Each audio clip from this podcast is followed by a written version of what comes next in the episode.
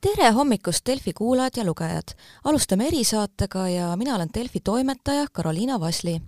ja täna räägime taas olukorrast koroonarindel.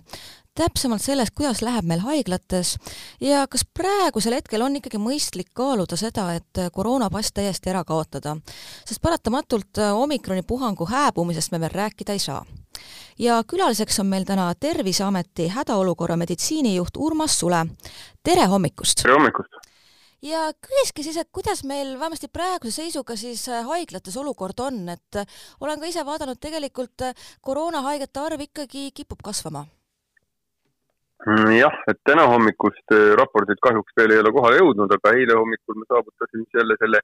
neljasaja haigla, haige taseme haiglates, et nelisada üheksa oli siis täpsemalt ja viimastel päevadel on noh, küllaltki stabiilne uute haigete number, seal üle neljakümne viie, nii et nelikümmend seitse oli ta siis eile. et eh, noh, esmaspäeval me loodame alati, et kui on niisugune stabiilne koroona olukord, siis esmaspäeval võib-olla saab natukene rohkem haigeid välja kirjutatud, see number ei kasva, aga seda saame näha.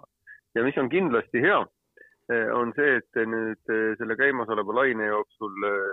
intensiivravi, kolmanda astme intensiivravi vajavate patsientide hulk siis on, on olnud suhteliselt tagasihoidlik, et eh, praeguse seisuga seitseteist patsienti kolmanda astme intensiivravi osakondadest ja neist seitse vajab eh, juhitavat hingamist, et no see tavalise lainega, mis meil varem on olnud, on no, võrreldes on see ikka suhteliselt tagasihoidlik number suur murekoht või õigemini isegi mõnes mõttes nagu ootusärevus on olnud see, kuidas läheb eakate hulgas, et omikroni puhul oli ju tegelikult väga vähe teada seda, kuidas ta ka vanemaealiste seas levib. kuidas ka haiglates see olukord on, et kas on hakanud rohkem ka eakaid sinna jõudma või ei ole see puhanguhaare nende seas siiski nii suur mm,? haiglates tegelikult eh, eakaid inimesi on kogu aeg eh, Covidiga, see on loogiline, sest et äh, ikkagi viirus alati teeb häda kõige rohkem inimestele, kellel tervis on äh, viletsapoolne et aga mis on eripärane nüüd, et tegelikult on noori haigestunud, kes haiglaravi vajavad proportsioonis tunduvalt rohkem. et kui vaatame praegu niisugust keskmist haiglaravil viibinute eh, vanust, siis see on kuuskümmend viis, noh näiteks eelmise kevade laine ajal meil oli see kuuskümmend üheksa. nii et tegelikult see eh, noh, ütleme patsient, kes haiglaravi vajab, on noorem ja mida me näeme, mis kindlasti on positiivne, on see, et eh, hoolekandeasutustes haigestumine ikkagi on, on väga tagasihoidlik. et noh, sealt tulevad üks, üksikud patsiendid kui needki. praegu näen testimiste järgi, et testimisi tehakse seal piisavalt palju, aga niisuguseid koroonapuhanguid hoolekandeasutustes on ikkagi vähe, nii et vanemad inimesed jah, haiglaravi vajavad, aga nende hulk on võrreldes eh, varasemate lainetega ikkagi tunduvalt tagasihoidlikum. kuidas on haigla enda siseste puhangutega ja just seega, mis mõjutab tegelikult ka töötajaskonda, meedikute haigestumist ja muidugi nüüd tehti see erand ka, et nad saavad võib-olla jah, kellel ei ole väga tugevad sümptomid, saavad varem tööle naasta? No personali haigestumine, isolatsiooni vajadus on, on haiglate jaoks kindlasti üks väga suur väljakutse, sest et meil on lõviosa tööd selline, mida noh, kaugmeetodil teha ei saa. ja praegu näen seda, et eh, eelmisel nädalal täiendavalt on siis haigestunud sada seitsekümmend kaks tervishoiutöötajat, see on seitse, seitseteist protsenti rohkem, kui oli siis nädal varem. ja noh, võib öelda, et ta suhteliselt eh, sarnaselt levib siis nii arstide, õdede, hooldajate ja ka muu personali hulgas, et noh, proportsioonis alati kõige rohkem on õdesid haigestunud, see on loogiline, sest õdede arv on ka haiglates suurem. ja, ja kui haiglati noh, vaadata, et kuidas toimetatakse, siis loomulikult nendes haiglates, kus on nagu puhang, et siis on ka loogiline, et seal tervishoiutöötajad rohkem haigestuvad ja ja tervishoiutöötajate puhul noh, üle peab rõhutama inimestele see, et, et, et haigeid inimesi ei lubata tööle, vaid tööle lubatakse need inimesed, kes muidu peaksid viibima eh, isolatsioonis või karantiinis, et kellel sümptomeid ei ole, et neid lubatakse varem tööle siis FP, FP2 või FP3 ilma klapita respiraatoreid kandes. Eh, et see on nüüd see eh, otsus, mis, mis on tehtud ja mis kindlasti ka siis teistele elutähtsa teenuse osutajatele võiks siis natukene nagu leevendust anda, kui vaatame tänavale või vaatame neid riiginumbreid, kui palju ikkagi inimesi haigestub, et siis on suur väljakutse elutähtsad teenused tööl hoida. mis te arvate, kas me praegu siis ka ikkagi liigume selles suunas, mis siin ka valitsus seadis sihind, et võib-olla koroonapass ära kaotada või ikkagi need haiglanumbrid, millest see otsus ka lähtus, et need nii palju ei, ei lange, pigem isegi noh, väikest tõusu ikkagi on näha viimase numbrites? No kui täna vaadata, noh,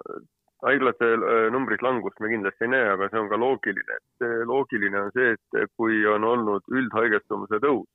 ja ega me praegu väga ikkagi ei tea, et kas nüüd on langus käes või, või see on näiline aga kui langus hakkab, siis on haiglaravi vajaduse äh, langus tuleb umbes noh, nädal või kaks hiljem.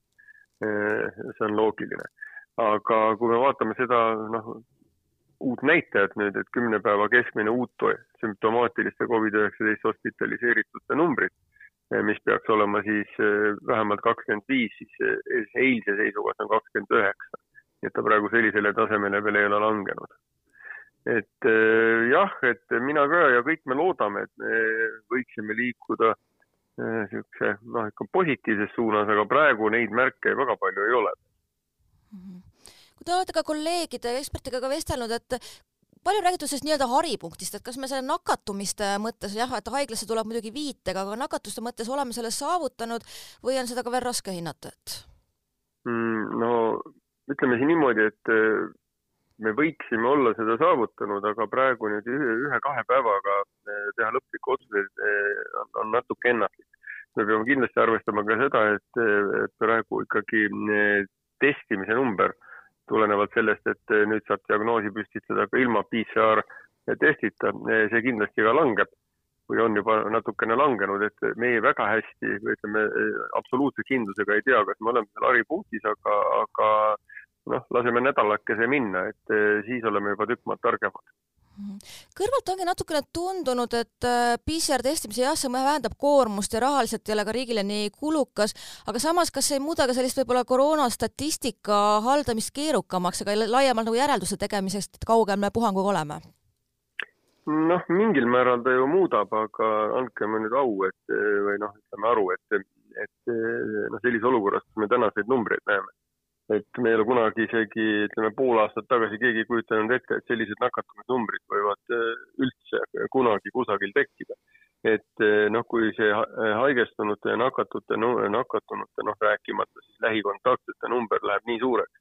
siis tuleb aru anda, et me tegelikult ei suuda äh, neid inimesi terviklikult seirata, et me saame seirata seda olukorda ja, ja siis inimesi valikuliselt ja noh, täpselt nii tulebki toimetada, ega see nakkushaiguste vastu võitlemise üldine loogika ongi selles, ega me ei suuda kõiki eh, potentsiaalseid ja, ja nakatunud inimesi tuvastada, aga me peame kasutama meetmeid, et nakkus võimalikult eh, vähe leviks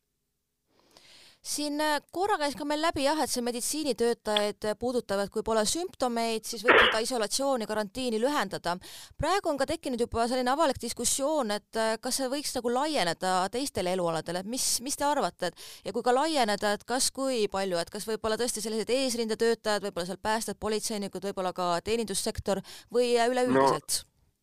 no jutt käib jah elutähtsa teenuse osutajatest ja ma arvan, et sinna suunas ta ka laieneb ja selle üle, sellega tegeletakse praegu. et eh, noh, peamine väljakutse ongi ju selles, et eh, kuidas siis mm, eh, suuta inimestele niisugune tavapärane elu tagada situatsioonis, kus väga paljud inimesed peaksid olema isoleeritud. et jah, selles suunas kindlasti liigutakse ja ei saa välistada, et tuleb ka teistsuguseid otsuseid. et millega tuleb nagu arvestada, et ega, ega viirus sellest meie noh, ütleme tahtest riiki elus hoida või töös hoida. noh, viirus sellega ei arvesta ja ega viiruse puhul nüüd see virulentsus või ütleme, nakatumise aeg ei ole muutunud, et see on ikkagi seesama. et ega me siin see no, otsuste langetamine ei sõltu ju ainult meie niisugusest heast tahtest, vaid see sõltub eh, ka sellest, et me peaksime suutma samal ajal, kui me inimestel võimaldame siis eh, kaitstud olekus tööle minnes me peame suutma samal ajal tagada ka selle, et ikkagi me nakkust äh, või nakkusriski sellega ei tõsta. nii et äh, noh, see on, see on väljakutse, et viirus ise ei toeta meil neid otsuseid tegemast, seda me saame toetada ainult ise oma käitumise siis hügieenikultuuriga. Ja nagu viitsite ka, et pigem siis elutähtsates valdkonnas, mitte nii, et ka kõik kontoritöötajad mõtleks, et ah, mis ma seal kontoris tahan ikka seltskonda minna ja sümptomeid pole, et et pigem ikkagi soovitakse inimestel ise kriitiliselt suhtuda. ja pigem küll jah, sest et eh, noh, me kõik ju loodame, et üks variant, eh, mis meid tulevikus võiks oodata, on see, et, et eh, koroonaviirus muutub niisuguseks no vähem haiglaravi ja rasket haigustamist põhjustavaks ja siis ta oleks nagu tavaline sesoonne viirus. ja, ja siis me võime loomulikult igasuguseid taktikalisi plaane arutada, aga täna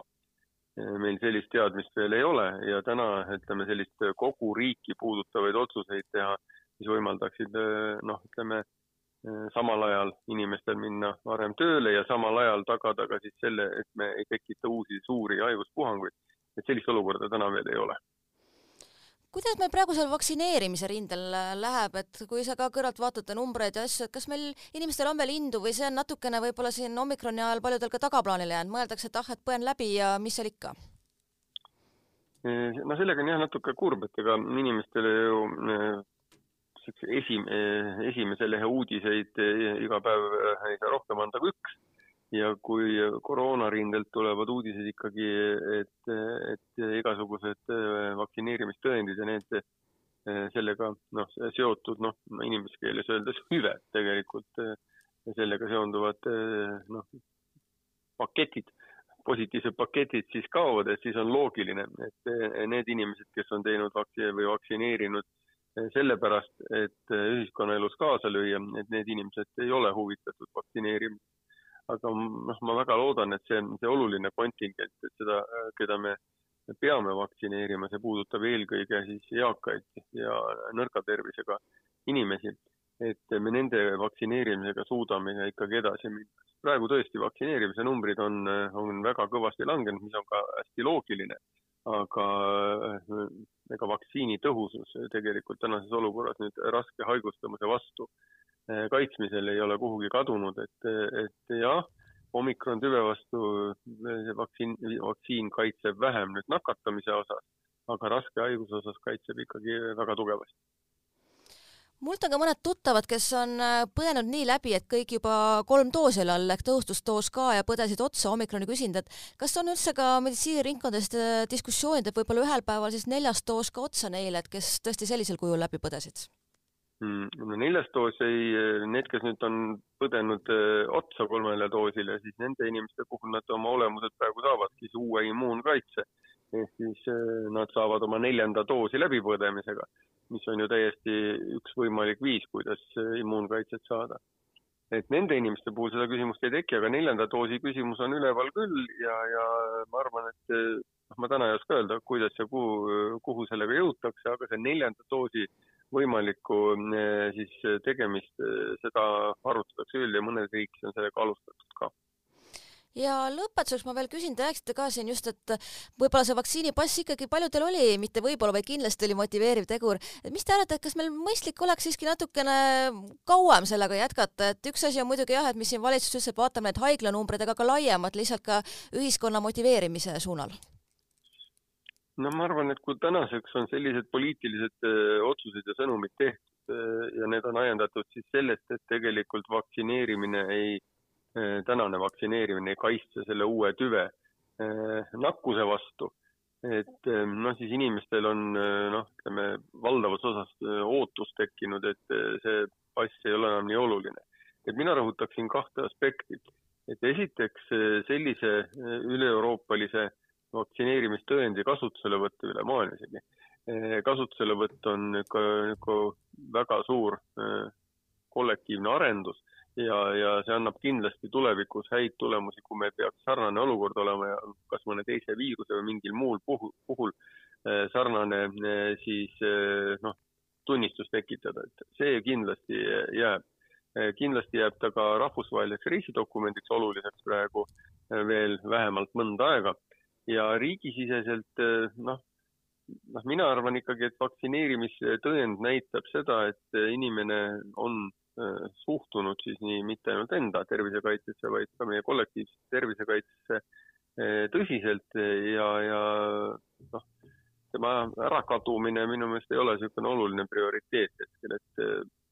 noh, ma arvan, et tähtsus väheneb, aga kuna, seda saame teada selge ja suur aitäh teile mõtteid vahetamast ja jõudu-jaksu töistes tegemistes! suur aitäh teile ja ilusat päeva!